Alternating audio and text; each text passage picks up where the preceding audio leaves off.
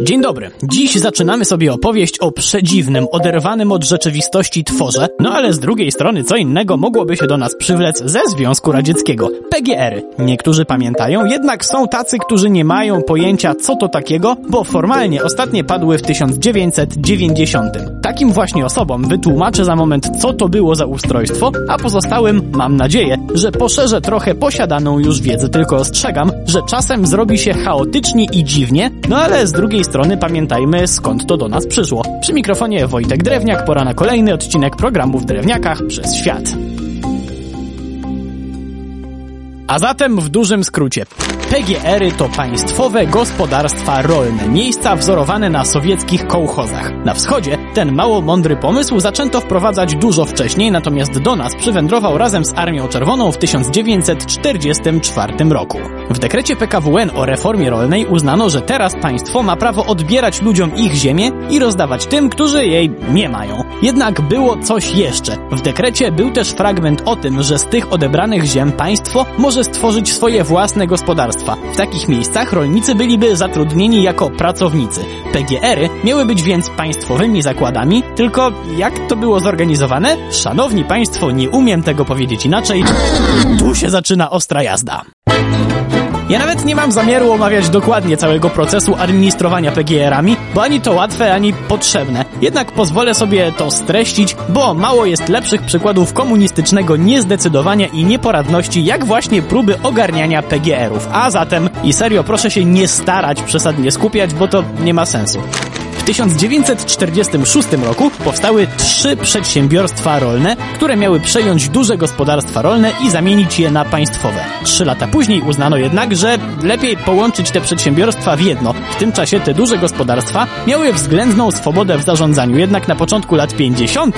uznano, że starczy już tego i trzeba to bardziej scentralizować. Od tej pory, zanim zakład mógł coś zrobić, aż pięć szczebli musiało taki pomysł zatwierdzić.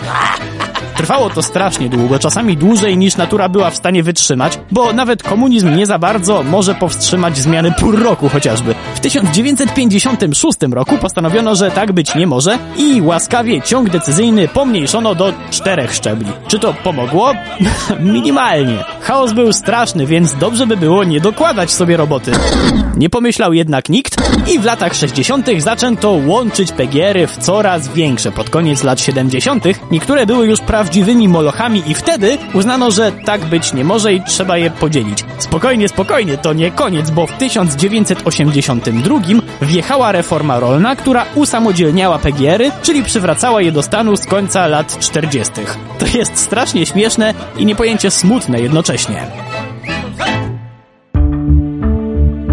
Jednak na razie cały czas mówimy o podziałach administracyjnych. One roboty nie ułatwiały, ale może mimo to te firmy dobrze funkcjonowały? A gdzie tam? Gdyby nie dotacje z państwa i demoniczne kredyty, to te przedsiębiorstwa padłyby momentalnie. Mimo ogromnych powierzchni i tego, że w PGR-ach pracowało prawie pół miliona osób, to państwówki produkowały mniej niż te niezrzeszone gospodarstwa, mimo że zużycie środków w PGR-ach było dwa razy wyższe.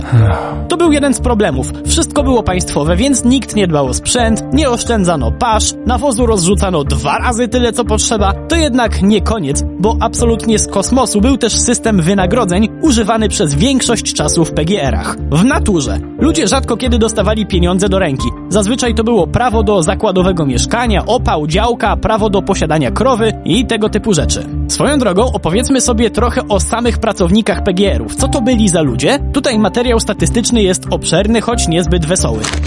W zdecydowanej większości byli to mieszkańcy wsi o słabym wykształceniu. Pod koniec lat 50. ponad 70% pracowników fizycznych nie miało skończonej podstawówki, ale to jest jeszcze coś, czego moglibyśmy się spodziewać. Jednak wykształcenie kadry kierowniczej woła o pomstę do nieba i jednocześnie trochę tłumaczy, czemu te miejsca tak źle działały. Co 20 kierownik też nie miał ukończonej podstawówki, a tylko 31% miało wykształcenie średnie albo wyższe. Skąd taka ponura statystyka w tamtym okresie? Ano bo władze uznały w pewnym momencie, że wykształciuchy sabotują produkcję rolną i wielu osobom podziękowano. Często brutalnie. Na szczęście w latach 70. zaczęło się to zmieniać, bo ktoś wyjątkowo wpadł na spoko pomysł, żeby wynagrodzenia uzależnić od wykształcenia. Wtedy wszyscy skorzystają i faktycznie podziałało. Ludziom zaczęło zależeć na skończeniu choćby podstawówki.